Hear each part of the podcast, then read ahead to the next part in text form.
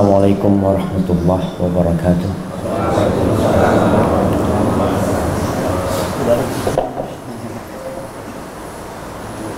Alhamdulillah الذي أحيانا بعدما أماتنا وإليه النشور Segala puji bagi Allah yang telah menghidupkan kita setelah mematikan kita dan kelak kepadanya kita akan dikembalikan. Allahumma salli wa sallim ala sayyidina Muhammadin wa ala alihi wa ashabihi ajma'in. Ya Allah, semoga salawat dan salam senantiasa engkau curahkan untuk hamba kekasihmu untuk baginda Nabi kita Muhammad alaihi salatu wassalam. Untuk keluarga beliau untuk istri-istri beliau untuk putra-putri beliau dan untuk seluruh sahabat Nabi. Semoga Allah meridai kita bersama mereka. Amma ba'd.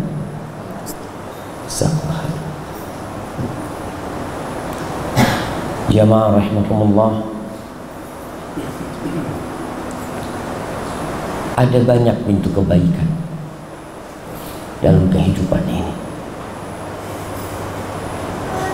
Ada banyak lorong-lorong menuju ke surga Yang disebut dengan subulus salam Tapi di antara semua jalan di antara semua pintu kebaikan. Ternyata pintu yang paling indah dapat mengantarkan kita kepada Allah setelah bertauhid setelah mengucapkan la ilaha illallah. Apa pintu tersebut? Pintu tersebut adalah berbakti kepada kedua orang tua.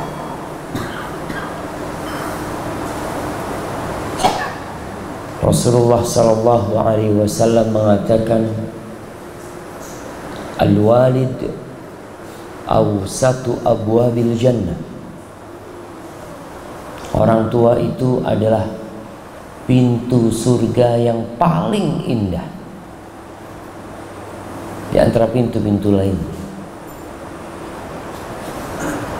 Fa in syi'ta fa'adhi dzalikal bab aw Kata Nabi alaihi salatu wasalam, maka kalau engkau ingin jagalah pintu tersebut atau engkau sia-siakan. Kita tuh hidup bebas. Allah berikan kepada manusia kebebasan memilih berbakti atau durhaka, beribadah atau tidak beribadah. Karena sejatinya Allah tidak memerlukan ibadah kita.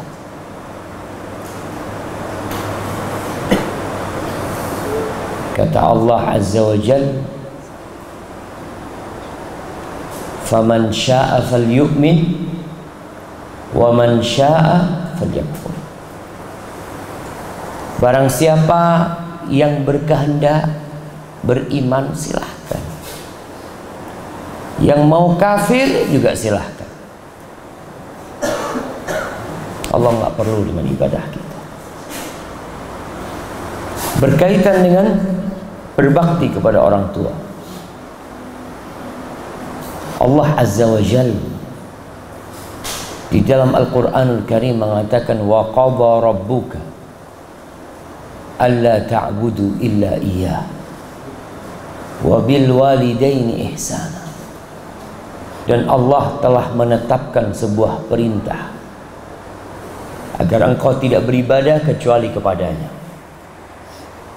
Wa bil walidaini ihsana dan agar engkau berbuat baik kepada kedua orang tua.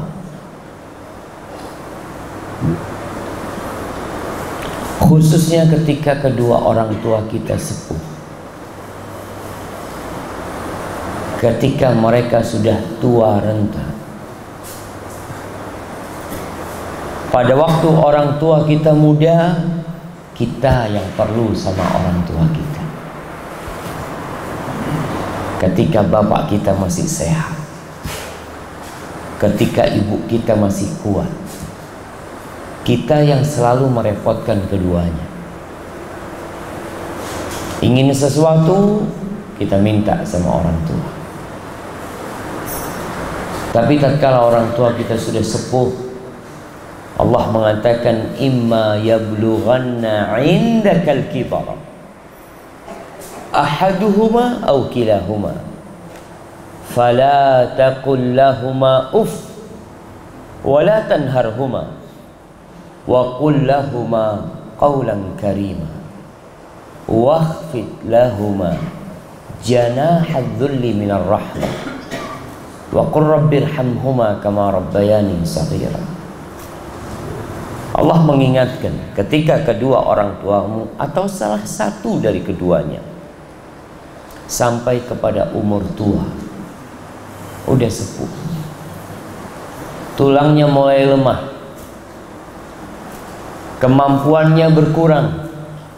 Ingatannya juga kadangkala mulai berkurang. Indak. Allah sebutkan di sisimu ini pertanda anak harus merawat kedua orang tuanya tatkala sepuh Orang tua harus berada di sisimu, jangan ditinggal kedua orang tuamu yang sudah sepuh. Ada yang meninggal kedua orang tuanya tanpa ada siapa-siapa di sana.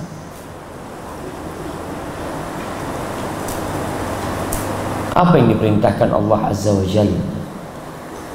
Fala taqul. Janganlah engkau berkata untuk keduanya kata-kata uff kata-kata yang menunjukkan ketidakridhaan ah apalah kata-kata yang paling rendah yang menunjukkan dia ini kurang ridho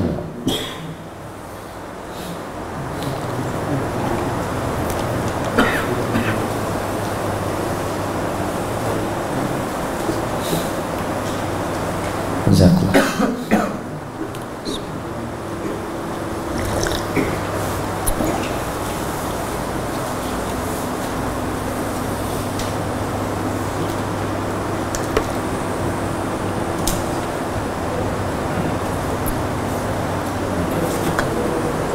Wa qul qawlan karim. Biasanya orang tua kalau sudah sepuh jamaah karakternya berubah. Apalagi kalau orang tua sakit.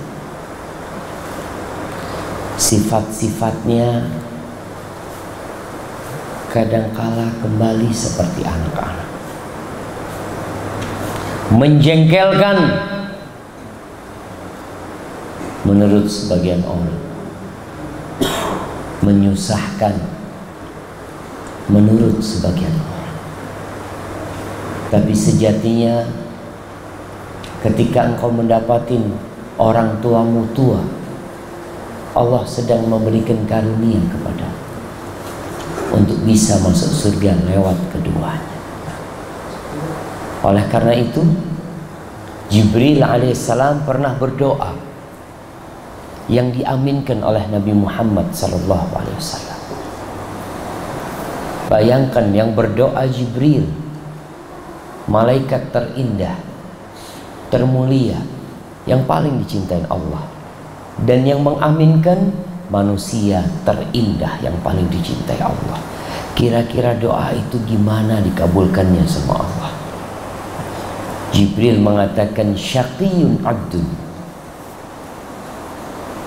adraka walidai au ahadahuma fil kibari walam yudkhilahu jannah sengsara melarat seorang hamba yang hidup dalam kondisi mendapati kedua orang tuanya atau salah satu dari kedua orang tuanya fil kibari. Dalam kondisi sudah sepuh sudah tua kemudian dia nggak bisa masuk surga kalau antum nggak bisa masuk surga dari pintu terindah pintu terdekat pintu yang di hadapan mata nggak bisa masuk surga. Terus antum mau cari pintu yang mana? Berharap masuk surga dari pintu sodakoh Berharap masuk surga dari pintu salat. Padahal ridha Allah Fi ridha walidain Keridhaan Allah bergantung kepada keridhaan kedua orang tua Ridha Allah fi walid Keridhaan Allah bergantung dengan keridhaan Bapak ibu kita jamaah. Makanya kita kadang kala berbuat baik jauh-jauh jamaah. Lupa sama orang tua kita. Mumpung masih hidup. Udah mati selesai. Tapi kan masih bisa berbakti. Nah, masih bisa berbakti. Karena kita diperintahkan untuk berbakti. Tapi Nabi alaihi salatu mengaminkan doa kalau antum di masa hidup orang tua antum nggak berbakti, kemudian antum mau berbakti setelah kematian, wallahu a'lam. Sengsara didoakan oleh Jibril alaihissalam. Maka Allah katakan fala taqul uff. Ini masih hidup posisinya. Bukan udah mati, wa qul lahuma qawlan karima katakan kepada keduanya qawlan karim perkataan yang mulia para ulama menjelaskan qawlan karima adalah perkataan yang kata-katanya indah.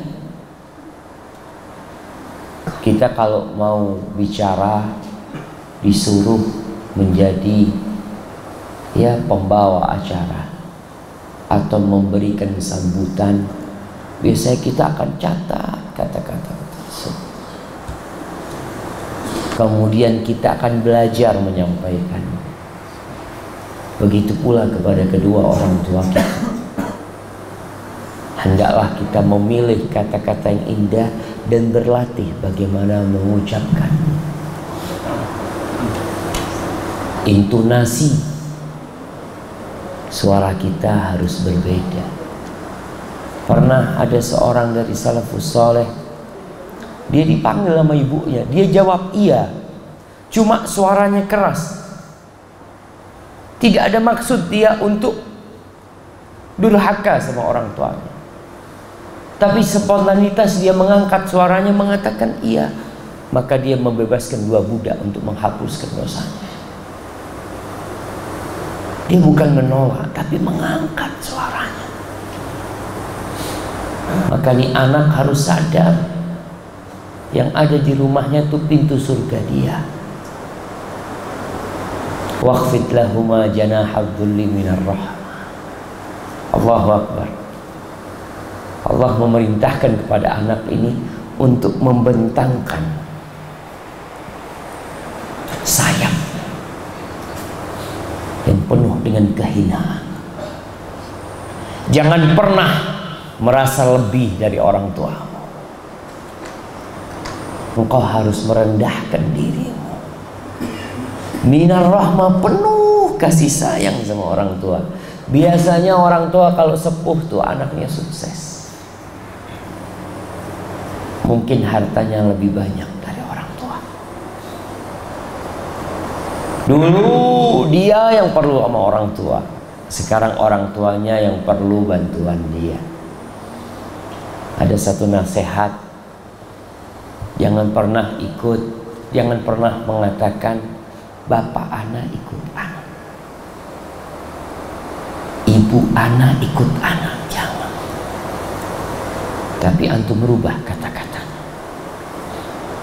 Bapak antum hidup sama siapa? anak hidup sama bapak anak ikut bapak walaupun rumah milik antum kendaraan milik antum tapi sejatinya Kata Nabi Muhammad sallallahu "Anta wa maluka li Kamu bersama hartamu milik orang tuamu. Jadi nggak ada istilah orang tua ikut anak, ikut saya, hidup sama saya. Lah, kita yang hidup sama orang tua. Kita tuh menikmatin harta kita sisa dari yang diperlukan orang tua kita. Seperti itu seorang hamba berbakti kepada Allah dan berbakti kepada kedua orang tuanya. Karena penyebab keberadaan kita hidup di muka bumi ini nih orang tua kita jangan. Subhanallah. Ada cerita seorang anak yang masya Allah. Ini anak jangan ditanya. Tiap bulan dia kasih orang tuanya dia udah sukses ya. Dia kasih orang tuanya tiap bulan itu 100 ribu real dia kasih orang tuanya 370 juta tiap bulan bukan 10 juta bukan 20 juta. Orang tuanya udah nggak perlu sama duit. Tapi dia berbakti orang tua. Tiap bulan transfer 100 ribu real. Sukses. Tapi ini anak cerita. Kadangkala anak datang ke rumah abah anak tinggal dompet anak. Sampai sana anak mau beli satu bak anak nggak punya fulus sabar ada bawa fulus dompet ketinggalan. Iya nak sini apa kasih duit kau? Dia ingin menunjukkan aku perlu sama abah dia tahu semua uang abahnya dari dia. Tapi dia ingin menunjukkan sampai kapan pun abah aku perlu sama abah gitu. Nggak ada perasaan nggak butuh sama orang tuanya dia tetap perlu sama abah. Sampai ini anak cerita kadang-kala anak belanja sama ibu berangkat ke supermarket belanja macam-macam. Sampai di kasir duit nggak ada anak nggak bawa duit lah. Anak ngomong, Umma, nggak bawa fulus, Umma kata dia. Abshir, tenang, Umi bawa fulus kata dia. Eh, bayar kamu pakai duitnya Umi. Senang dia, dia ingin menunjukkan kepada orang tuanya, aku tetap perlu sama orang tua nggak ada sok kaya anaknya padahal kekayaan anaknya milik anak milik bapaknya ibu terus engkau mau bangga sama apa sedangkan semua yang kau miliki dan dirimu itu milik orang tua wa qur rabbirhamhuma kama rabbayani shaghira dan katakan wahai Rabbku kasihi keduanya sebagaimana keduanya merawatku ketika kecil. Jadi kita nih anak nggak boleh merasa besar di depan orang tuanya, tetap kecil. Subhanallah jemaah. Ketika antum merasa besar di situ antum akan sombong. Antum merasa tidak butuh sama orang tua antum. Doa yang diajarkan Allah langsung Allah ngajari nama kita Allah perintahkan langsung wa qul rabbirhamhuma wahai Rabbku kasih keduanya kama rabbayani saghira. Kita suruh ingat tuh sebagaimana keduanya mengasihi aku ketika kecil. Jamaah rahimakumullah sampai kapan pun kita akan kecil di hadapan orang tua kita. Ada seorang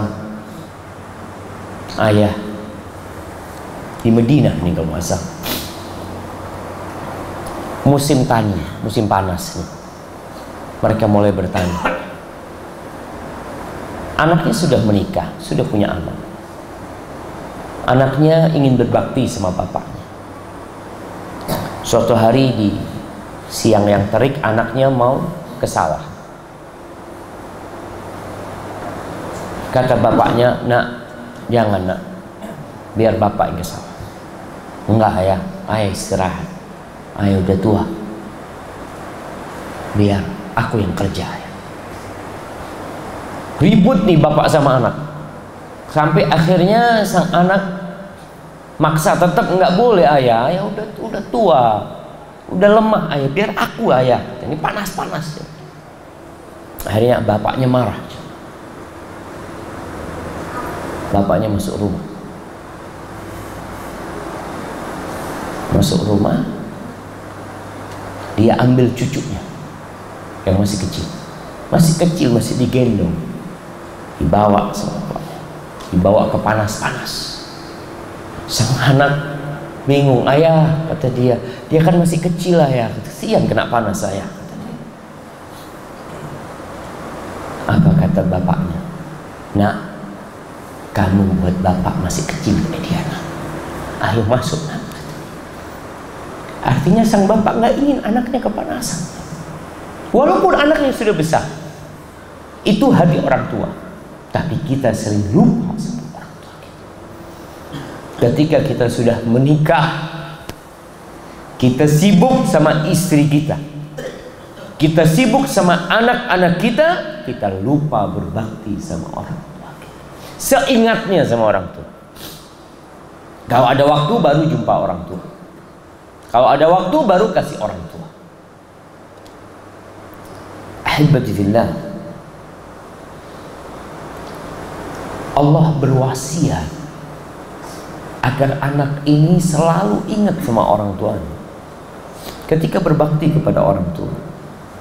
Walaupun anak itu sudah tua Allah berfirman di surat Al-Ahqaf wasainal insana biwalidayhi ihsana kata Allah kami wasiatkan kepada manusia untuk berbuat baik kepada kedua orang tuanya. Sebagian para ulama tafsir mengatakan Allah tuh nggak percaya sama anak-anaknya. Sehingga Allah wasiatkan kepada orang tua, eh, kepada para anak untuk berbakti kepada orang tua. Tapi Allah tidak mewasiatkan orang tua untuk berbuat baik sama anak. Wasiat secara khusus dengan kata aku wasiatkan kepada orang tua agar berbuat baik kepada anaknya. Kenapa? Karena secara naluri bapak itu akan cinta sama anaknya selesai. Tapi kalau anak sama orang tuanya sering lupa. Makanya Allah wasiatkan agar anak berbakti kepada orang tua. Lalu Allah ingatkan tentang ibu. Hamalathu ummuhu kurhan. Ibunya hamil mengandung itu anak selama 9 bulan dalam kondisi susah. Wa wada'athu kurha. Antum kalau tahu sakitnya orang hamil mungkin antum akan berbakti sama orang tua. Berapa sih dibayar ibu kita hamil kita? Wallahi jamaah 9 bulan kita minum darah ibu kita nggak pernah dia menghalangi. Bahkan tak kala dia tahu bayinya tidak berkembang dia datang ke dokter. Ada apa anak saya? Kok tidak hidup? Dia lakukan segala sesuatu untuk menyelamatkan kita wa wada'athu kurha dan ibu kita melahirkan kita susah payah. Sebagian ibu itu perutnya dibelah dibelah agar kita lahir. Sebagian ibu itu berdarah-darah untuk melahirkan kita. Sehingga kita keluar dari perut ibu kita bawa tanda yang kita nggak akan pernah lupa. Dengan tanda tersebut. Tapi kita lupa. Allah kasih di perut kita itu pusar ada orang yang lahir tanpa pusar ketika antum ganti baju antum lepas antum melihat ada lubang yang masuk ke dalam ini apa ya Ingat sembilan bulan untuk makan dari sana. Makan darah ibu kita. Allah mengatakan wa hamluhu wa fisaluhu 30 syahr. Hamilnya dan menyusuinya sampai menyapihnya selama 30 bulan. Allahu Akbar. Antum lahir pun masih merepotkan orang tua. Ada anak yang tidak merepotkan orang tua. Lahir nggak bisa apa-apa. Kita itu diciptakan lemah. Kalau antum melihat ayam, ayam itu lahir langsung bisa jalan. Tapi antum lahir hanya tergeletak. Lapar nangis, sakit nangis. Itu yang bisa dilakukan. Selama berapa waktu sampai antum bisa jalan? Enggak. Antum bisa jalan pun masih merepotkan orang tua.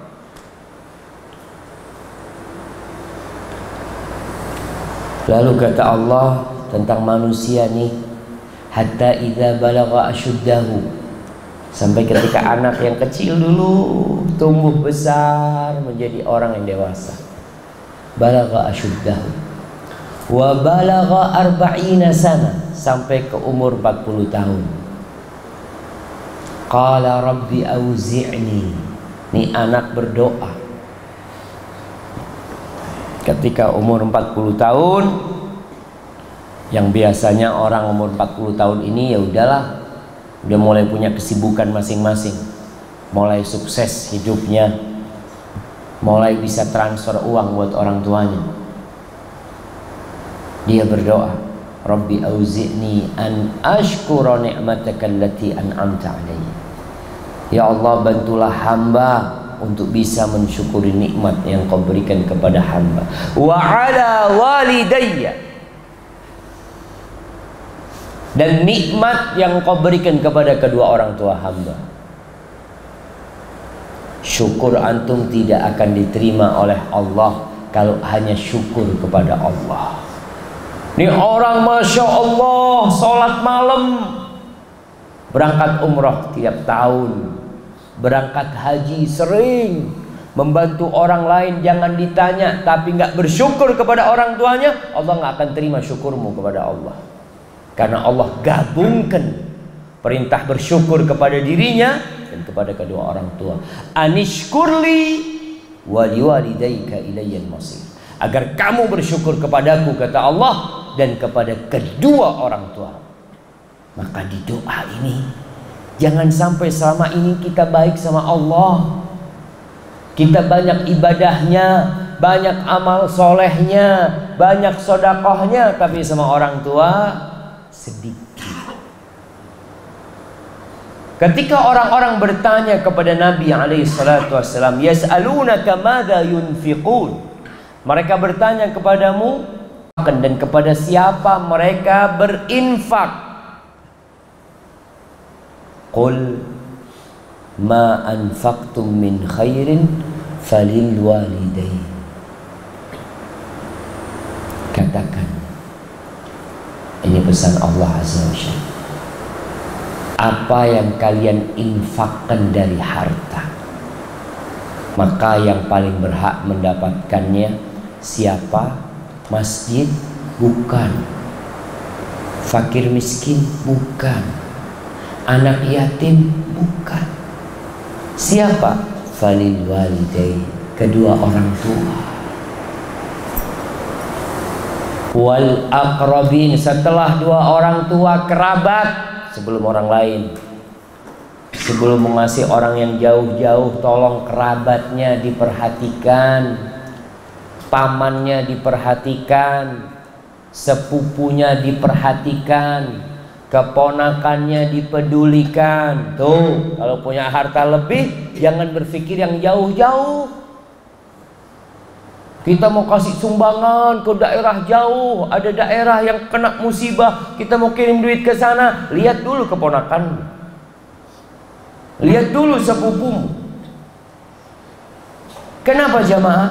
Kalau ada musibah di tempat yang jauh, insya Allah banyak yang peduli. Tapi pamanmu, siapa yang peduli sama pamanmu?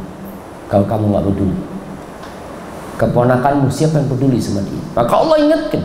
Falil walidaini wal akrabin baru setelah itu yang lainnya wal yatama wal masakin orang miskin ya kita juga bagi duit sama mereka tapi keluarga kita ya. Subhanallah Nih hamba Minta bantuan Allah Karena dalam segala hal kita tetap perlu bantuan Allah Syamah untuk menghadapi segalanya. Wa an a'mala salihan tarbah Dan agar hamba bisa beramal soleh yang kau ridain ya Allah.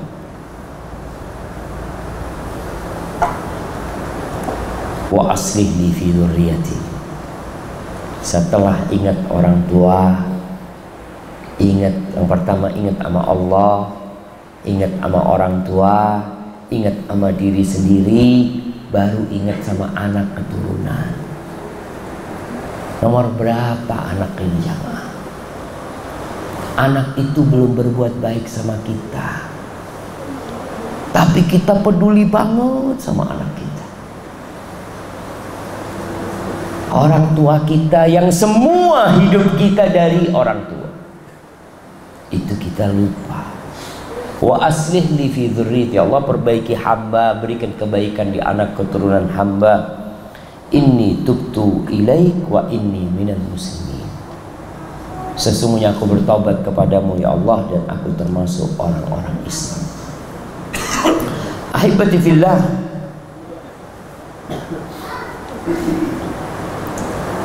Apa sih yang membuat kita berbakti sama orang tua? Ada banyak hal. Anak akan bacakan beberapa hal yang berkaitan dengan hal ini. Yang pertama, agar kita ini berbakti maksimal. Karena banyak orang yang merasa udah berbuat baik sama orang tuanya. Kadangkala orang tuanya jadi pembantu di rumahnya. Seakan-akan dia mengangkat orang tuanya, engkau bukan mengangkat orang tuamu. Ketika orang tuanya di rumah, ibunya jadi pengasuh anak, ibu mau ngasuh cucunya silahkan, tapi bukan karena perintah, tapi karena keinginannya. Bapak mau bersih-bersih rumah silahkan tanpa perintahmu. Engkau sudah sediakan orang yang membersihkan rumah Kau punya kebun, jangan sampai orang tuamu jadi tukang kebun. Tapi ada orang yang kau letakkan untuk mengurus kebun. Orang tua mau bantu, silahkan. Karena kalau anak sukses, biasanya orang tua diangkat, dibawa ke kota. Maka jangan sampai orang tua kita itu, ya susah hidupnya. Dia melakukan itu semua karena nggak enak sama anaknya. Katakan sama bapak, ibumu, ayah, bunda, Tugas ayah bunda cuma di rumah sudah. Mau ngapain silahkan. Taruh duit di satu tempat ayah bunda ini duit silahkan dipakai. Nggak perlu bapak ibunya minta sama anak. Jangan sampai. Jangan sampai ayah bunda kita tuh minta duit. Seharusnya kita letakkan tempat duit di sana, kasih orang tuanya. Perlu nggak perlu kasih ini orang tua mau dipakai silahkan. Dari pakai silahkan. Gimana kalau antum masya Allah punya kelebihan harta lalu orang tua sampai minta sama anak? Allah Akbar anak selalu bapak anak ibu anak minta anak kasih Ustaz. Apa aja yang dia minta anak kasih. Nggak perlu minta. Antum seharusnya udah kasih. Karena kalau masih harus minta subhanallah durhaka antum sama orang tua Antum punya kelebihan harta nunggu orang tua minta. Kecuali memang antum sama-sama nggak punya. Yang pertama yang membantu kita berbakti kepada orang tua adalah minta tolong sama Allah. Tadi dengan baca doa ini surat Al-Ahqaf ayat 15. Antum baca tuh doa agar kita tidak melakukan tindakan-tindakan yang ternyata tindakan kita itu buat orang tua kita marah ya. kita nggak tahu. Maka minta tolong semua. Ali Zainal Abidin Ali ibn Husain ibn Ali ibn Abi Talib cicitnya Rasulullah SAW di kota Madinah dia dikenal orang yang paling berbakti sama orang tuanya tapi orang kampung itu heran, heran. Orang Medina itu heran. Karena Ali ini nggak pernah makan semeja sama ibunya. Dia dampingin ibunya, tapi dia nggak pernah makan bareng sama ibu. Orang heran. Kenapa engkau melakukan itu? Kata dia, iya. Aku takut nanti aku makan sesuatu yang ibuku sudah memandang sesuatu itu. Sehingga aku durhaka sama ibuku nanti. Paham tentunya? Lagi makan bareng satu meja? Tahu-tahu kita mengambil ayam umpamanya ada paha ayam ada ada sayap kemudian ada dada kita ngambil sayap umpamanya sayap itu enak apa enggak ya yang enak di ayam itu apa? Orang tuh punya keinginan masing-masing. Di sini masalah. Ini Ali bin Husain takut dia ambil sayap, ternyata ibunya kepingin makan sayap. Maka dia enggak. Biar ibuku selesai makan semuanya, baru aku makan sisa ibu. Allahu Akbar. Seperti itu nih kita tuh nggak tahu kadang kala jemaah mana kebaktian yang terbaik buat kita kepada orang tua kita. Raja bin Haywa ini salah satu wazirnya Umar bin Abdul Aziz. Dia itu ngajar, kadang kala ngajar. Ngajar di rumah, mungkin di masjid, nggak tahu. Dia lagi ngajar nih, lagi kajian. Oke jemaah kalau satu saat Ana membatalkan kajian untuk jangan marah. Ini buat semuanya. Kadangkala diundang sama jamaah udah anak kasih tanggal tahu-tahu anak batalkan. Karena ibu Ana mengatakan tuh ayahnya Syafiq nggak usah berangkat. Anak akan tinggalkan kajian itu Raja bin Hayawah ini lagi ngisi kajian ibunya datang Haywah Hayawah namanya ya. Dipanggil, sini kasih makan ayam. Suruh ngasih makan ayam. Ini lagi pengajian suruh ngasih makan ayam sama ibunya. Dia langsung tinggalkan kajian dia kasih makan ayam. Enggak urusan sama murid-muridnya. Subhanallah. Maka kita tuh harus benar-benar taat sama orang tua kita dalam semua urusan. Jadi minta tolong sama Allah supaya kita bisa berbakti tadi. Yang kedua, perlunya kita mengingat fadilah-fadilah berbakti kepada orang tua dan dampak buruk durhaka sama orang tua.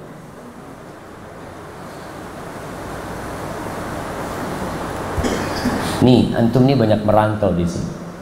Kasih izin nggak sama orang tua? Kalau nggak dikasih izin, atau orang tua berat ngasih izin tapi berat pulang antum segera. Ayah anak mau merantau ke Kepi. Kata bapaknya nggak usah lah nak. Di sini aja kerja. Aduh ayah, di sana insya Allah peluang kerja banyak, ini macam-macam. Antum mulai maksa. Padahal ayah sudah mengatakan, jangan. Dosa.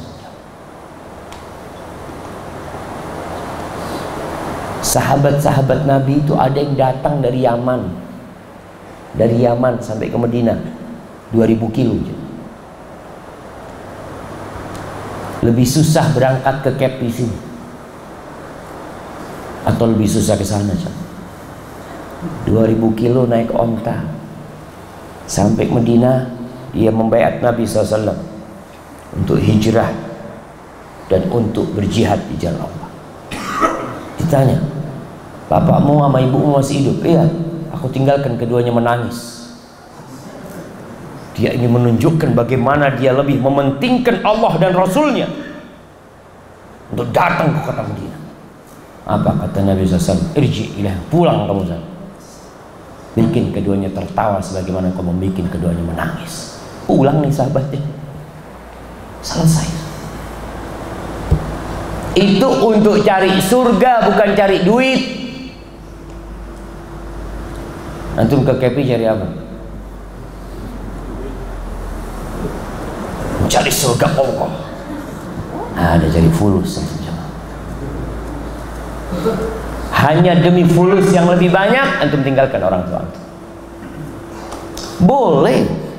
Asalkan keduanya ridho ridho maka antum ingat dengan kebaikan apa? Fadilah orang berbakti sama orang tua. Subhanallah.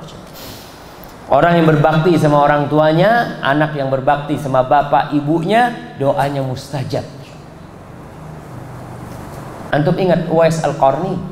Mustajab Rasul sallallahu alaihi wasallam mendengar Haritha itu baca Quran di surga ada suara Haritha ini di surga.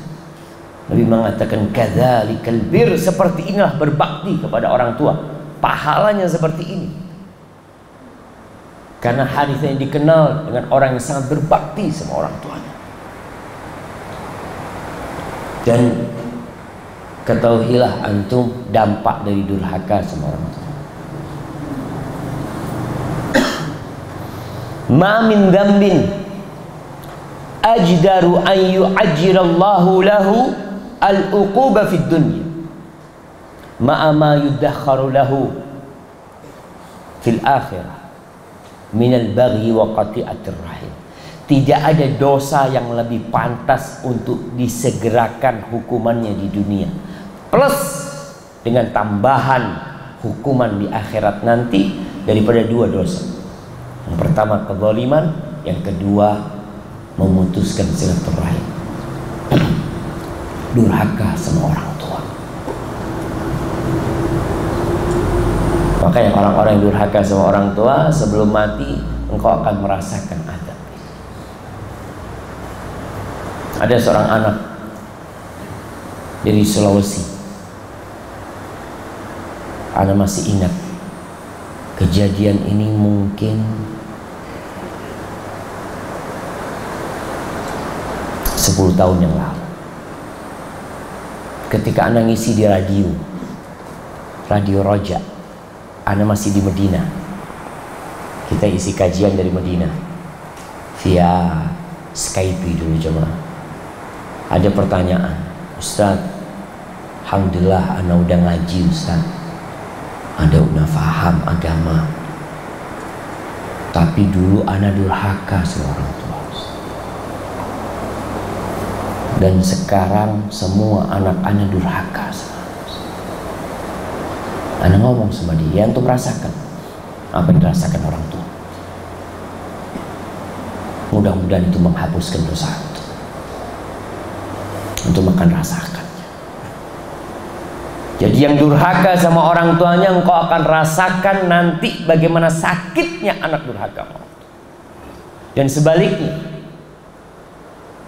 kalau engkau berbakti sama orang tua, engkau akan mendapatkan anak-anak berbakti.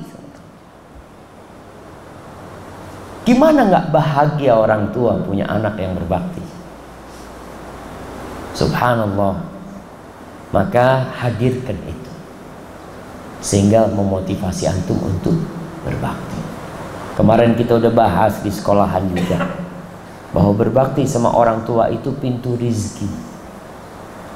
Ada seorang anak yang masya Allah rizkinya dilancarkan sama orang tua. Ini anak udah nikah, udah punya anak. Dia nggak bikin rumah sampai dia buatkan rumah buat orang tuanya. Jadi antum yang merantau jangan sampai antum punya rumah orang tua antum belum punya rumah. Usahakan kalau antum mau bikin rumah, lihat abah ibu udah punya belum? rumah orang tua. Antum mau renovasi rumah antum, antum lihat rumah orang tua. Apa yang perlu direnovasi rumah orang tua? Jangan sampai orang tua melihat rumah antum lebih baik dari rumah dia. Usahakan rumah orang tua lebih bagus dari rumah anaknya. Ini termasuk kebaktian anak. Dan Tadi cerita tuh orang yang berbakti sama orang tuanya, orang tuanya punya rumah dia masih ngontrak, dia yang bangun rumah tua orang tuanya, dia masih ngontrak. Masya Allah nih anak rizkinya kayak disiram jamaah buat anak karena kebaktian dia sama orang tua.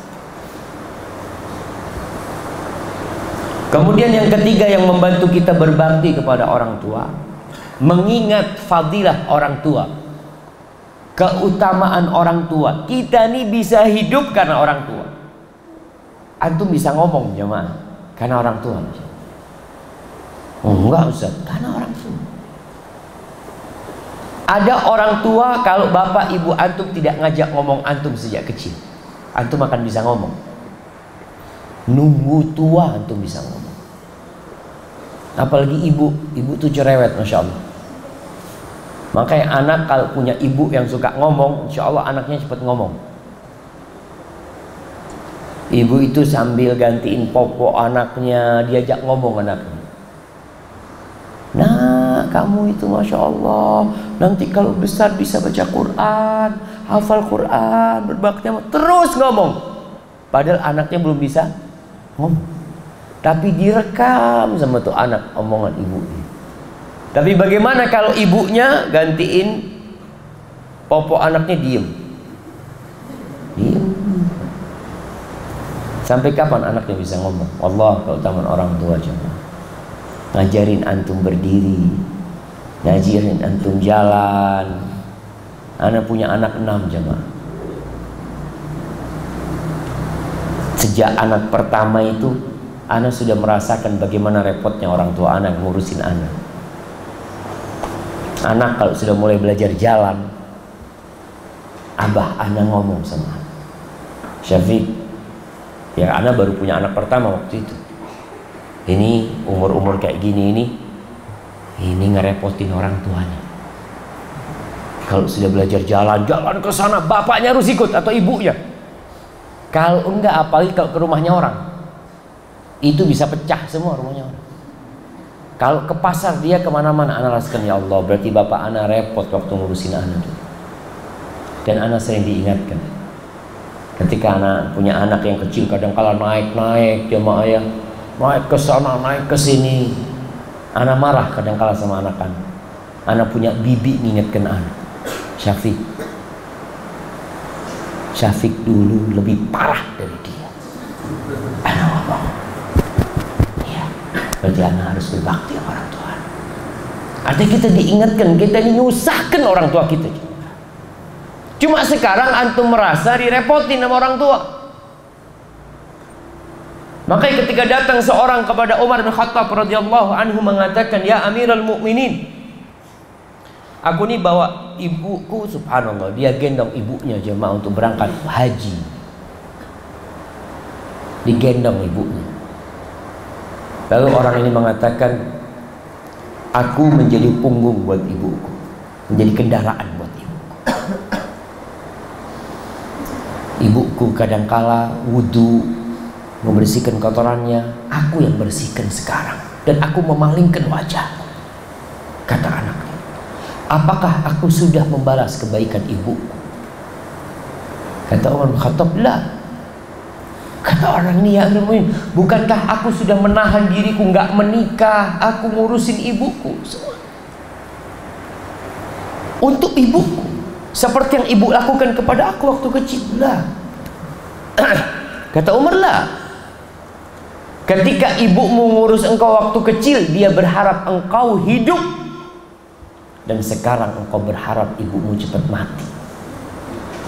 Iya jemaah anak tuh yang ngurusin bapak ibu yang sudah tua renta yang merasa direpotin dia berpikir gimana kalau bapak ibunya mati selesai Insya Allah lah ibu nggak capek kalau ibu meninggal dunia kan enak sudah nggak lelah lagi. Padahal anaknya yang ingin istirahat. Hati-hati. Allah tahu dengan apa yang di hati antum. Maka ingat dengan keutamaan orang tua kita. Sebuah kisah bagaimana nih kakak beradik empat orang kumpul. Ibunya sendirian mereka ngobrol ini gimana nih urusan ibu kita siapa yang merawat ibu yang merawat ibu nggak dapat warisan. Kata kakaknya ini kita bikin kesepakatan nih.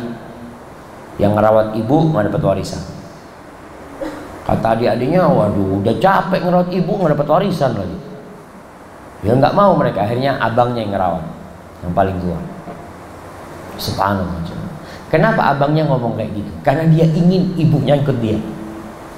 Dia bayangkan gimana bawa surga ke rumah minta warisan bawa surga ke rumah pintu surga ditaruh di rumahnya masih minta warisan pintu rizki dibawa ke rumah nanti bisa fulus wallahi jamaah kita kadang kala lupa dengan keutamaan orang tua kita yang telah mereka lakukan kepada kita.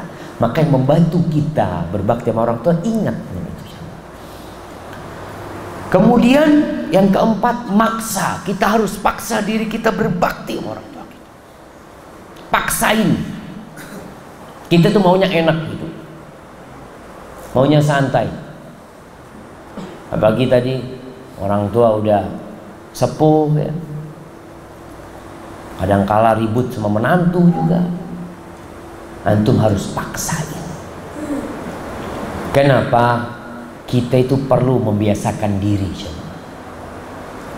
untuk berbakti sama orang tua Rasul SAW mengatakan innamal hilmu bittahallum orang itu bisa jadi penyabar bisa tabah karena membiasakan diri maka kita pun berbakti pada orang tua ini biasakan diri. Mungkin berat awalnya. Ada orang yang datang sama orang tuanya kalau dapat gaji dia buka gaji sama orang tuanya. Fadol ayah, ibu nih gaji anak, ibu mau ambil berapa, bapak mau ambil berapa, tafadhol. Bisa tuh kayak gitu zaman. Waduh, diambil semuanya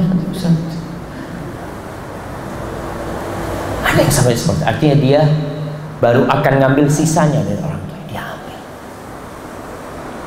maka jadikan berbakti kepada orang itu sebuah kebiasaan. Dengan cara ya mungkin sekarang belum jadi kebiasaan. Sekarang masih ada paksaan dari diri kita. Selalu datang sama orang tua nih yang punya rizki. Kunjungin orang tua antum antum merantau. Berapa bulan sekali ketemu sama orang tua?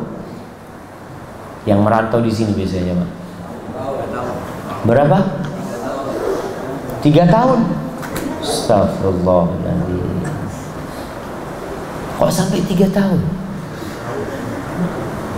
usahakan sebulan sekali aja biayanya nih biayanya Allah ganti Antum nggak yakin Allah ganti? Nggak yakin. Buktinya antum setahun sekali. Kalau antum yakin itu berangkat ya. Gitu saja. Sayang tapi Ustaz, masa cuma ketemu orang tua? Berapa biayanya? Oh, bisa 10 juta. Iya. Pulang pergi 10 juta? Berapa? Kurang? 20 juta? Kalau 20 juta, cuma 20 juta. Allah tuh kasih ganti kalau kita taruh di jalan Allah 10 juta, Allah kasih ganti 100 juta. Tapi antum nggak percaya.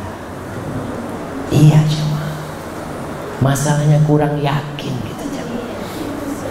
Makanya kata Rasul sallallahu alaihi wasallam as-shadaqatu burhan. Sodakoh itu bukti keimanan. Allah kasih janji di Quran. Qul ma anfaqtum min khairin fahuwa yukhlifuhu. Allah akan kasih ganti. Man dzalladzi yuqridullah qardan hasanan. Siapa yang mau ngutangin Allah? Ngutangin Allah. Allah kasih lipat ganda. Kalau kita ngutangin orang satu juta dibalikin satu juta seratus riba. Tapi Allah berjanji kita ngutangin Allah, Allah akan lipat gandakan. Lalu kita jarang ketemu orang tua. Kalau nggak punya fulus wajar. Punya uang. Tapi sayang Ustaz. Buat tabungan masa depan. Nah, datang ke orang tua itu nabung sama Allah buat masa depan kita. Wallahi jamaah.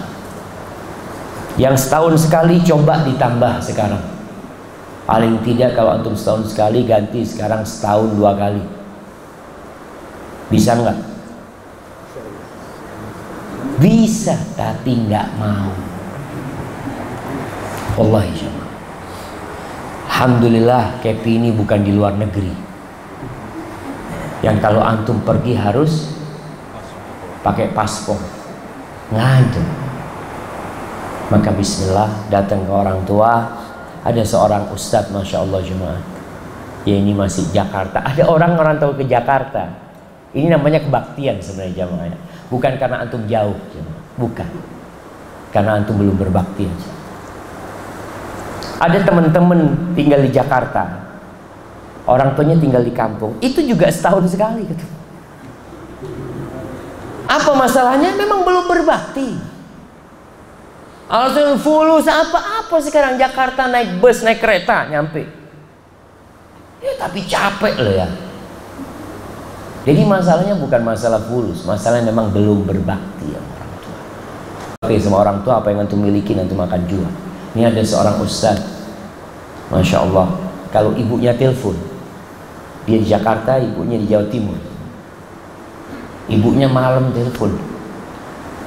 Nah, Umi kok kangen nak ya? Iya, Ma. Subuh sudah di rumah ibunya. Subuh dia ketuk itu Sampai seperti itu ya.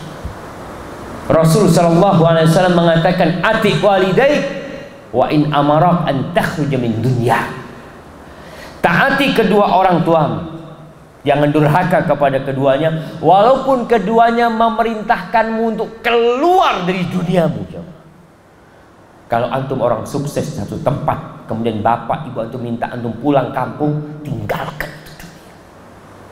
Antum bos perusahaan, tinggalkan sampai seperti itu Nabi Alaihissalam ngajarin kita berbakti sama orang tua apa sih yang antum cari tadi kita udah bahas pintu surga yang paling indah tuh orang tua antum tinggal orang tua silahkan antum tinggal orang tua dengan izin keduanya tapi antum berbakti sama keduanya sering-sering pulang sana jangan makanya kalau antum berbakti sama orang tua antum akan rasakan di anak antum nantinya tapi kalau sekarang antum seperti ini Jarang ketemu orang tua dibalas sama anak antum nanti.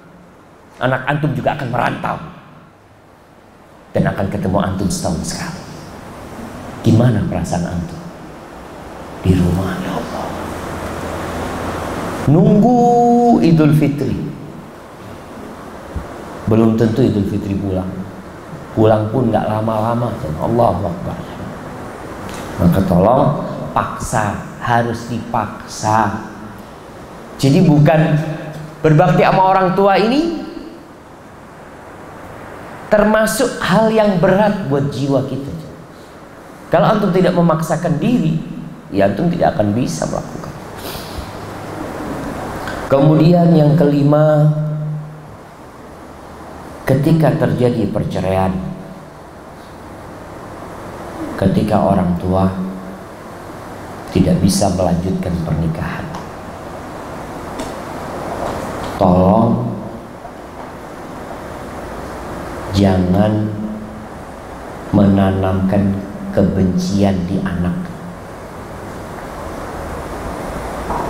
Orang tua ini kalau bercerai setiap orang tua bapak ibu tetap mewasiatkan kepada anaknya nak kamu tetap wajib berbakti sama bapak kamu. Tetap nak. Sibuk juga seperti itu sang bapak juga ngomong nak itu ibumu. Dan buat para orang tua yang bercerai jangan pernah menceritakan kepada anak keburukan pasangan. Kalau dia bapak jangan ceritakan keburukan ibu anak-anak. Kadangkala sang ayah ingin membela dirinya. Kenapa dia bercerai? Si ibu juga seperti itu. Ingin menyebutkan bapakmu ini orang kurang ajar. Zolim bapakmu itu. Jangan. Kesian sama anak kita kalau dia jadi orang durhaka. Ngomong sama anaknya, ayah kenapa bercerai sama ibu? Ya, jodohnya cuma sampai di situ nah. Memang nggak bisa dilanjutkan ya. Bapak dapat jodoh yang lain, ibu dapat jodoh yang lain. Kamu tetap berbakti sama ibu. Ibu juga gitu. Kadang-kala ibu nggak nikah lagi setelah bercerai. Jangan sampai engkau menyuntikkan kebencian kepada anak. Ngomong sama anaknya ketika ditanya, Ibu, ayah gimana ibu? Aduh bapakmu ini zolim orangnya nggak pernah ngasih nafkah kepadamu. Ibu yang kerja capek untuk membesarkan engkau, bapakmu cari perempuan lain macam-macam. Jangan. Engkau dosa, anakmu berbuat dosa Maka agar tetap berbakti, katakan yaitu nak bapakmu mungkin perlu engkau dekat sama dia semoga ayah bisa dapat hidayah ya kau berbakti sama bapakmu ini cara supaya kita tetap berbakti dan anak-anak kita berbakti. Kemudian yang keenam nah masya Allah. Tapi yang keenam jamaah bapaknya hendaklah berbakti sama orang tuanya sehingga anak-anak itu insya Allah berbakti secara otomatis. Bakti itu bukan kajian yang disampaikan tapi bakti itu adalah contoh yang diberikan. Nggak perlu kita ngomong sama anak kita nah kamu harus berbakti sama bapakmu. Kamu nggak perlu. Kita berbakti sama orang tua suruh anak-anak kita ngeliat selesai. Suruh anak-anak melihat. Bagaimana antum duduk di kaki bapak antum, antum pijet kaki bapak antum. Antum pijet kaki ibu antum, anak antum melihat. Nggak perlu antum ngomong sama anak antum, nah pijetin kaki bapak nanti kalau tua ya, nggak perlu. Otomatis tuh anak akan melihat.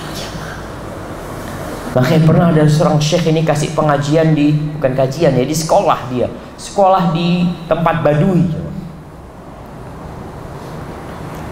Pelajaran tentang berbakti kepada orang tua. Dia tanya sama murid-muridnya, apa sih makna berbakti sama orang tua?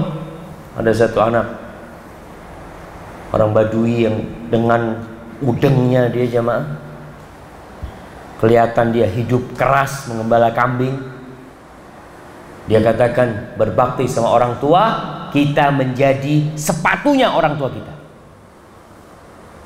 kita jadi sepatu buat orang tua.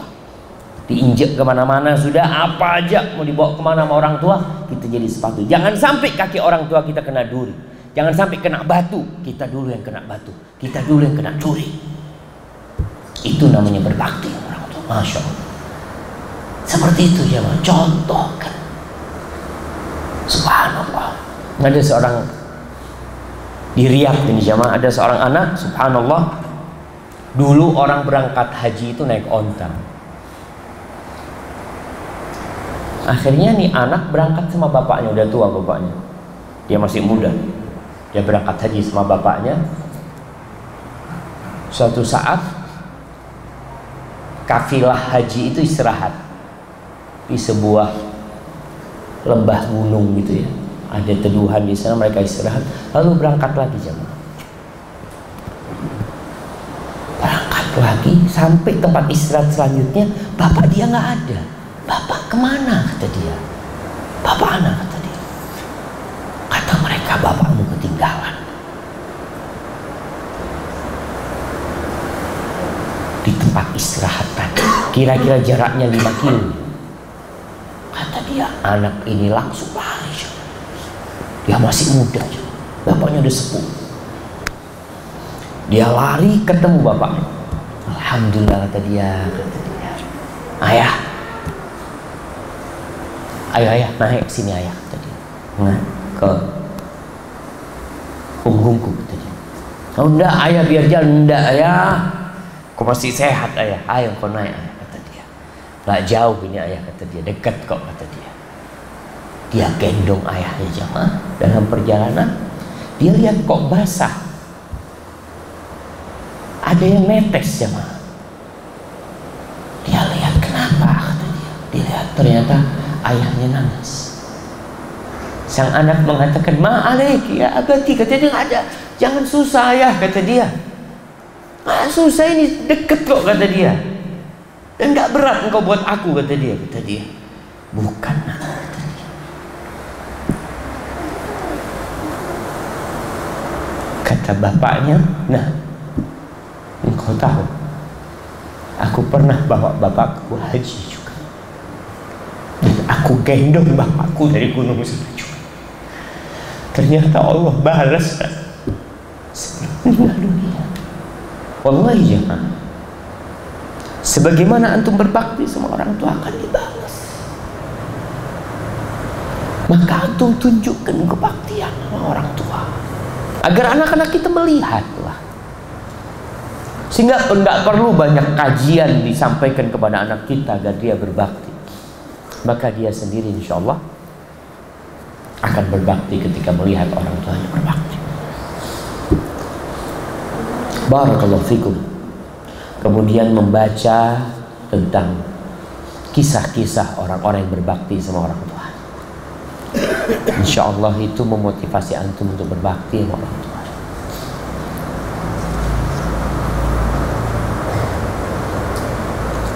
Ustadz, suami berniat pulang kampung untuk mengurus orang tuanya. Padahal di kampung belum pasti mau kerja apa. Kok belum pasti? Dia sudah mau pulang ngurus orang tuanya. Itu kepastian ya. Saya dan anak-anak kurang setuju karena lebih senang di sini. Kami berdagang dan anak-anak sekolah di sini. Ini jamaah. Ya, istri seharusnya membantu suaminya berbakti. Kalau dikatakan belum pasti kerja apa, kerjaannya sudah pasti, yaitu ngurusin orang tua. Tapi Ustaz untuk makan nanti gimana? Yang ngasih makan itu bukan kerjaan kita. Jamaah rizki kita di mana sih? Kita tuh kadang kalah berpikir rizki kita tuh di Kepri. Di sini rizki kita lah. Allah mengatakan wa fis sama rizqukum wa ma tu'adun dan di langit situ rizki kalian. Itu kata Allah Azza wa Jalla. Di langit. Allah yang maha memberi rizki ada di atas sana. Ke mana pun kita berpindah, Allah akan tetap ngurusin kita. Wa ma min dabbatin fil ard illa 'ala Allah rizquha. Tidak ada sesuatu pun yang melata di muka bumi ini kecuali Allah yang menanggung rezeki. Jadi kalau dikatakan belum jelas kerjaannya sudah jelas ngurusin orang tua. Rizki Allah atur. Maka nasihat anak kepada istri katakan kepada suami Bismillah mas berangkat kita. Di sana ada surga kita. Di sana ada rizki kita. Anak-anak Allah yang ngurusin nanti. Cuma semua itu kembali kepada keyakinan kan.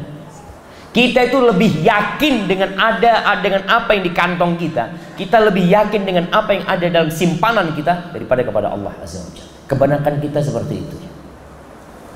Seharusnya dirubah. Kita selalu membaca qul huwallahu ahad, Allahu samad. Allah itu tempat bergantung. Allah tempat bergantung.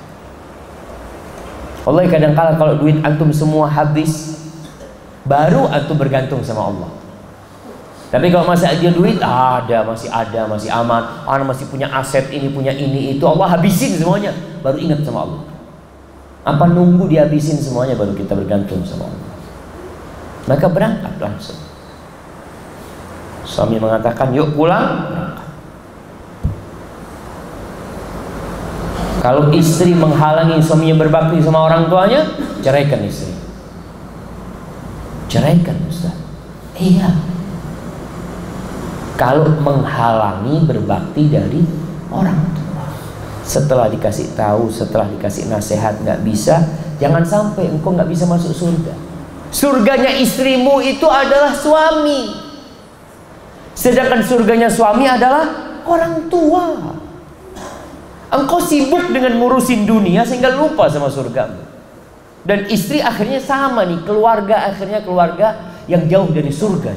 Suami nggak bisa masuk surga lewat orang tuanya, istri nggak bisa masuk surga lewat suami. Ke mana kemudian keluarga ini? Neraka ancaman buat mereka.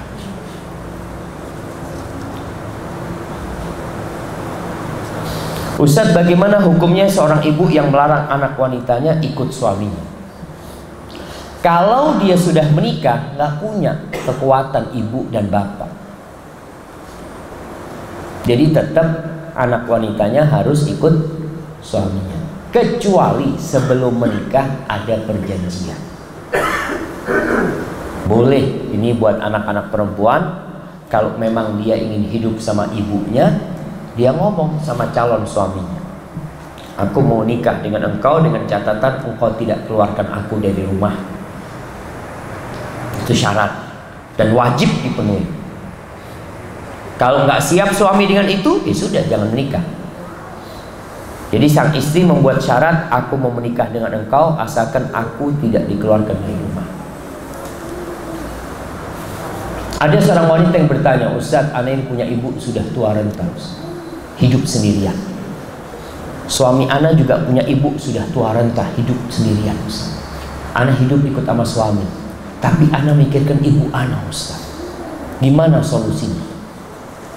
Apa solusinya?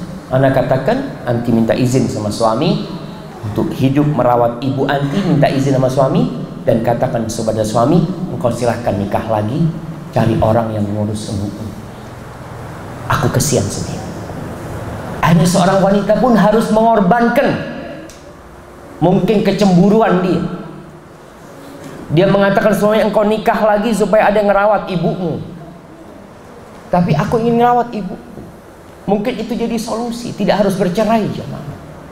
Dalam kondisi seperti ini. Jadi kalau kondisi seperti ini tadi, ibu melarang anak wanita yang ikut suami, maka tetap dia harus taat sama suaminya bukan sama ibunya. Tapi kalau kondisinya ibunya sendiri, maka dia minta izin kepada suaminya dia boleh mengatakan kepada suaminya, "Bang, abang nikah lagi lah di sana. Anak tetap jadi istri abang, tapi anak rawat ibu di sini, Pak." Ini sebagai bentuk kebaktian kita kepada ibu dan jamaah. Hidup ini ujian. Di sini bukan tempat bersenang-senang. Bukan. Antum mau makan seenak apa pun, makanan itu bisa jadi penyakit buat antum. Makanya banyak orang nggak makan enak karena takut sakit. Karena tahu hidup ini ujian barakallahu fikum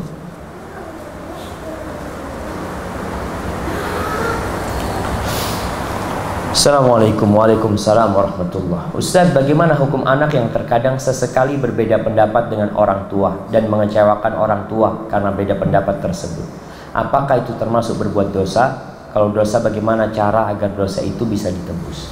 Ahibatifillah usahakan kita dalam urusan dunia menyepakati pendapat orang tua. Jangan berselisih sama orang tua.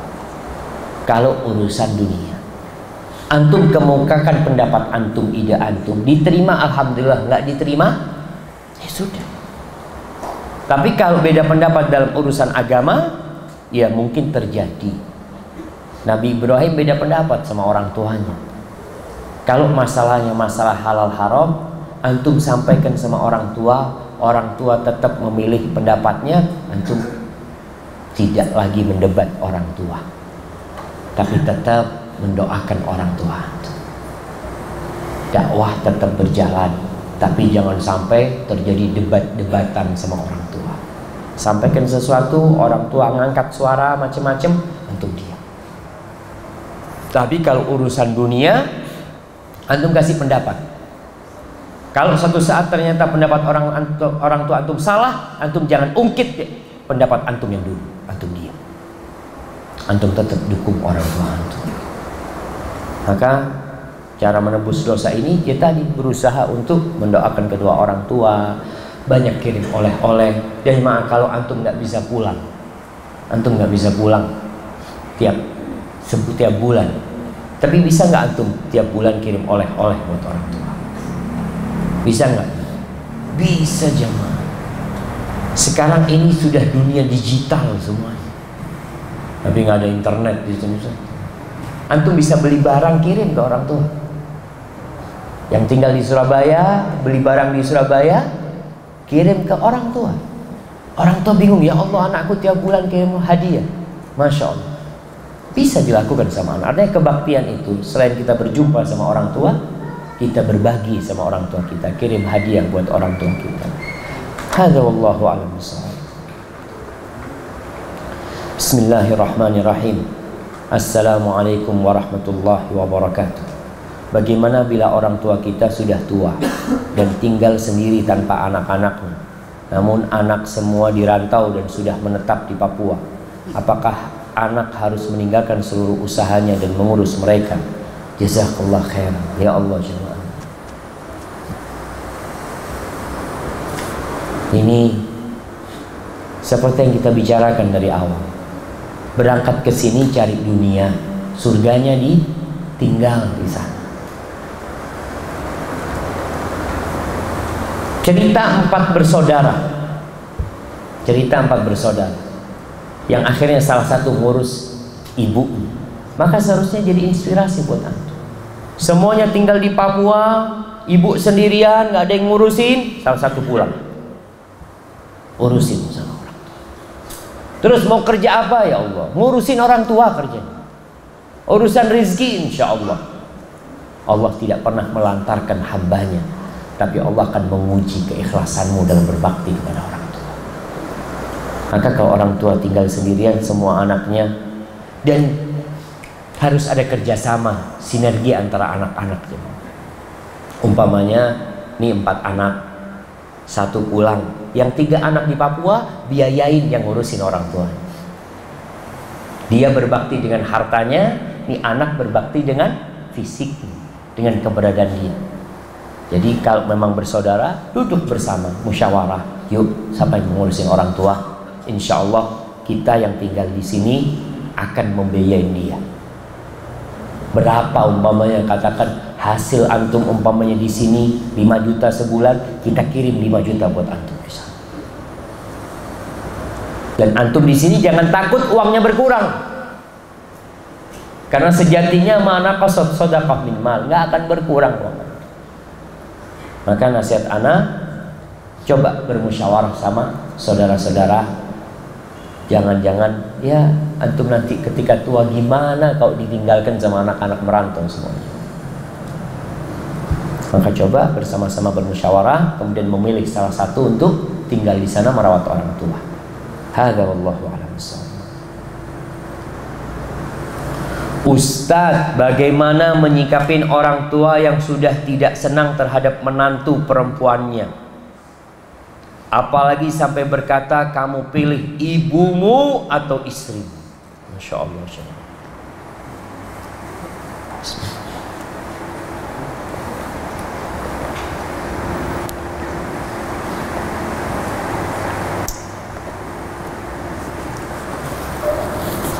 Alhamdulillah. Kira-kira gimana jangan? Pilih ibu apa istri?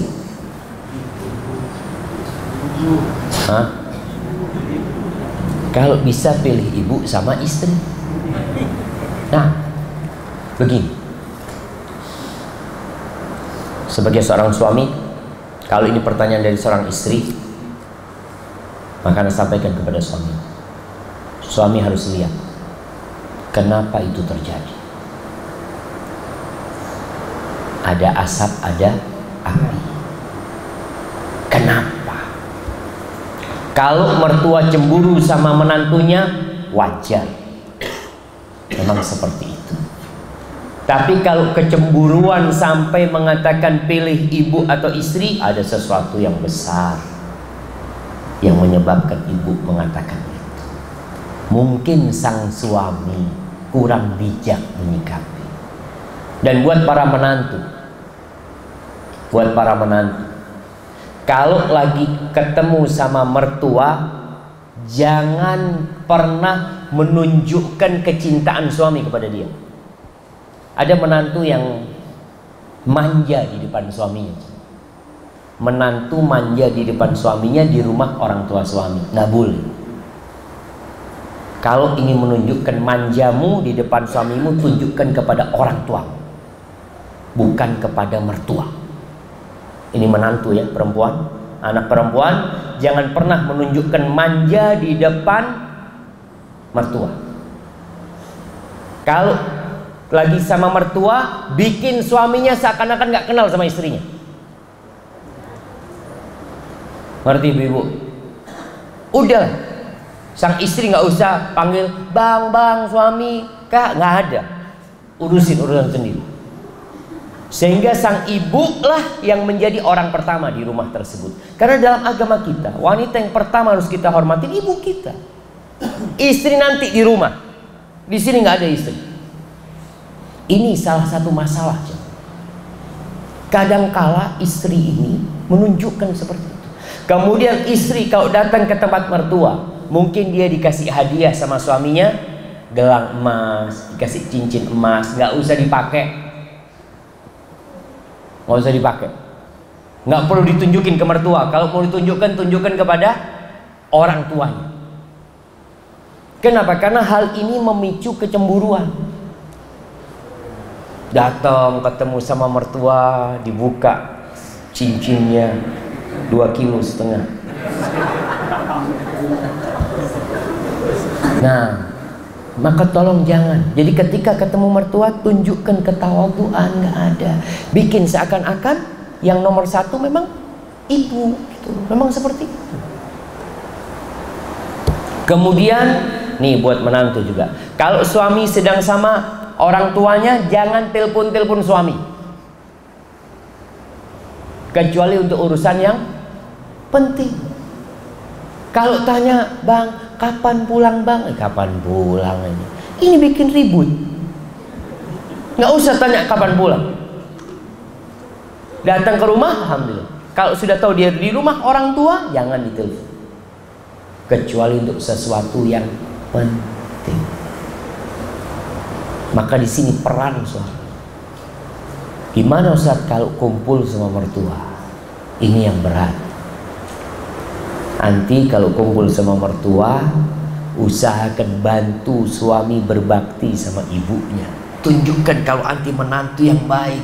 Anti harus sabar mau diomongin ini macam-macam tetap anti berharap pahala dari Allah Subhanahu wa taala berbakti kepada suami karena bentuk kebaktian kepada suami adalah menghormati orang tua suami maka suami coba lihat apa masalahnya kalau ternyata masalahnya memang menantunya yang kurang ajar menantunya yang mempengaruhi suami untuk tidak berbakti kepada orang tuanya ada menantu-menantu yang kalau suami kasih duit sama orang tuanya melarang suami atau menghalangi suami maka kalau dapat menantu, dapat istri kayak gitu, atau ganti istri. Iya. Antum katakan istriku, kalau engkau masih melakukan ini, kayaknya kita sampai di sini. Nah, jangan. Karena jangan sampai untuk kehilangan surga antum. Tapi kadang-kala masalahnya suami juga yang kurang tegas sama istrinya. Maka tolong diperbaiki, dicari sebabnya apa sih? Kalau ketemu sebabnya, kemudian minta keridhaan orang tua jadi sang suami datang kepada ibu-ibu minta maaf bu. Apa aja masalah di istri kasih tahu aku bu. Aku akan benerin istriku. Insya Allah istriku akan sesuai dengan yang diinginkan oleh ibu. Mungkin seperti itu. Ada wallahu a'lam Nah ini pertanyaan terakhir. Assalamualaikum warahmatullahi wabarakatuh. Waalaikumsalam warahmatullahi wabarakatuh. Ana mau tanya dan mohon pencerahannya Pak Ustadz Karena suami juga ikut hadir. Alhamdulillah suami saya sholat lima waktu di masjid. Dan saya juga belajar banyak dari dia. Tapi dia masih merokok Pak Ustaz. sedangkan yang saya pernah baca dan dengar bahwa rokok itu hukumnya haram. Mohon pencerahannya Pak Ustaz. Biasa.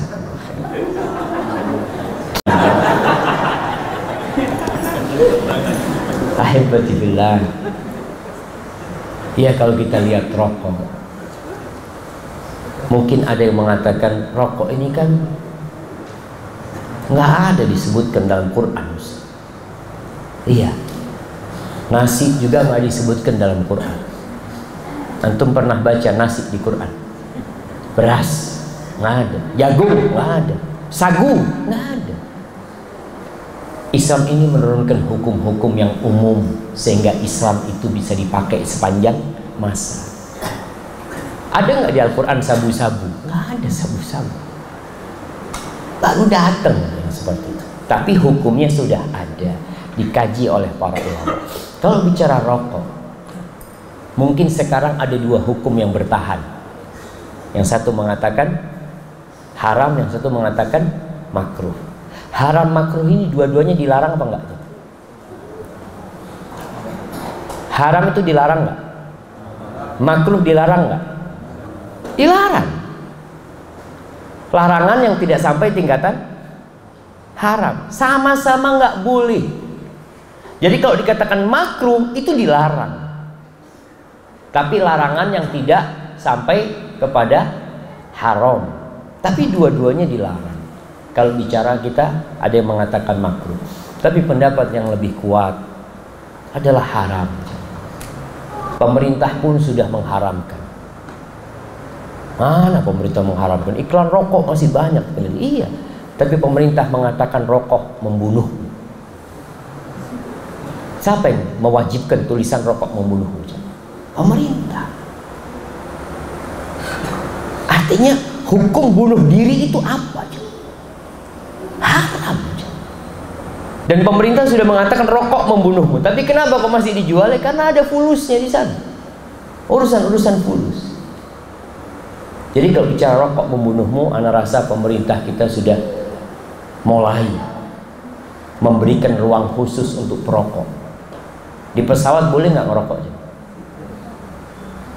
Haram, oh kalau pesawat haram Ustaz. Nanti pesawat haram di bawah halal gitu maksudnya. Di toilet di pesawat dikasih tahu, bayangkan di pesawat. Pesawat ini nggak boleh ada ada sebuah kaidah yang antum pakai kaidah ini. Rasul SAW mengatakan la. Tidak boleh seorang itu membahayakan dirinya dan membahayakan orang lain. Rokok ini membahayakan apa tidak? Membahayakan diri sendiri. Membahayakan orang lain apa tidak? Membahayakan orang lain. Nanti perokok gimana dosanya dia ketika orang-orang yang ada di sebelahnya merasa terganggu dengan asap rokok kalau orang yang ada di sebelahnya sakit gara-gara asap rokoknya, akan dituntut dia di hari kiamat nanti. Allah mengatakan, "Faman ya'mal mithqala dzarratin khairan yarah, wa man ya'mal mithqala dzarratin syarran yarah." Keburukan se sesemut pun engkau akan lihat nanti pada hari kiamat. Kalau gara-gara rokok tuh orang sakit, orang itu terganggu. Dan ini banyak orang-orang yang sakit gara-gara jadi perokok pasif. Siapa yang dosa? Para perokok. Jadi yang rasa berkaitan dengan rokok, berusahalah untuk meninggalkan. Jangan terpengaruh dengan fatwa yang mengatakan makruh.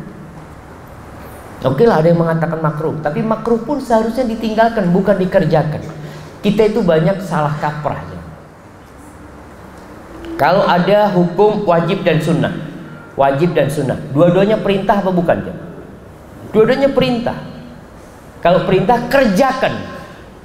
Antum pernah ngeliat ada tentara tanya sama komandannya, "Hei, kamu sini." Iya dan sana ambil beras 5 kilo di sana, bawa ke sini. Afon ini sunnah apa wajib? Ada anak buah tanya sunnah atau wajib? Nggak ada. Ketika perintah jalankan. Ketika komandan mengatakan, "Hei, kamu jangan berdiri di sana." Afwan dan haram apa makruh?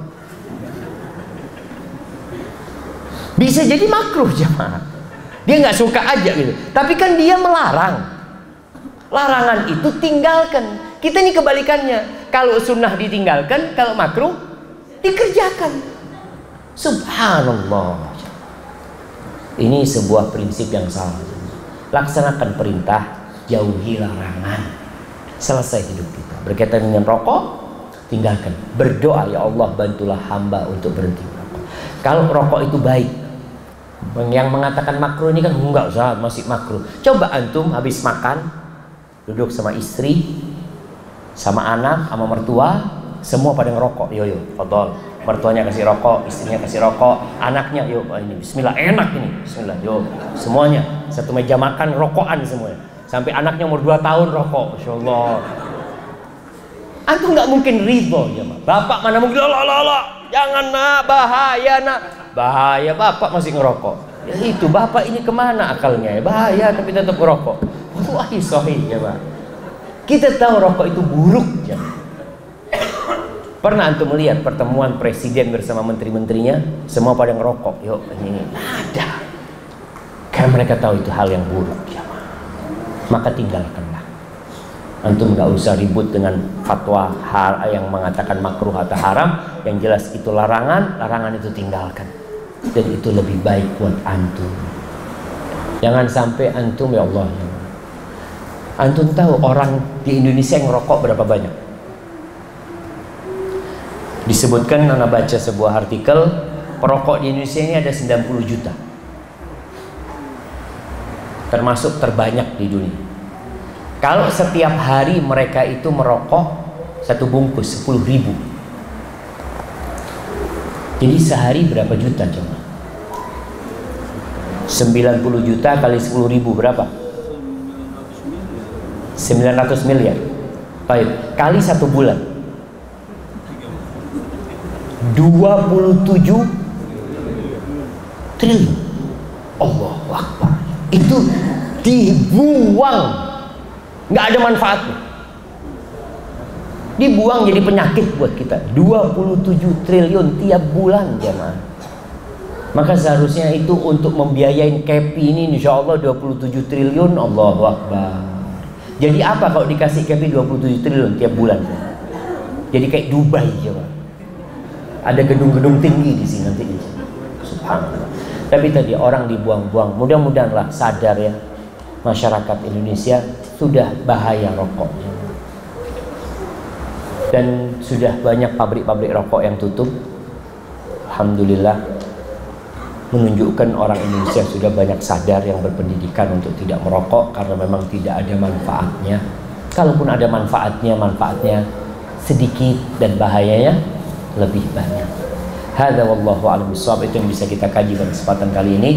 Apabila benar itu dari Allah Azza wa Jal, kalau ada yang salah dan kurang berkenan itu dari diri anak sendiri yang benar dari Allah yang salah dari anak subhanakallahumma bihamdika asyhadu an la ilaha illa anta astaghfiruka wa atubu ilaik. Assalamualaikum warahmatullahi wabarakatuh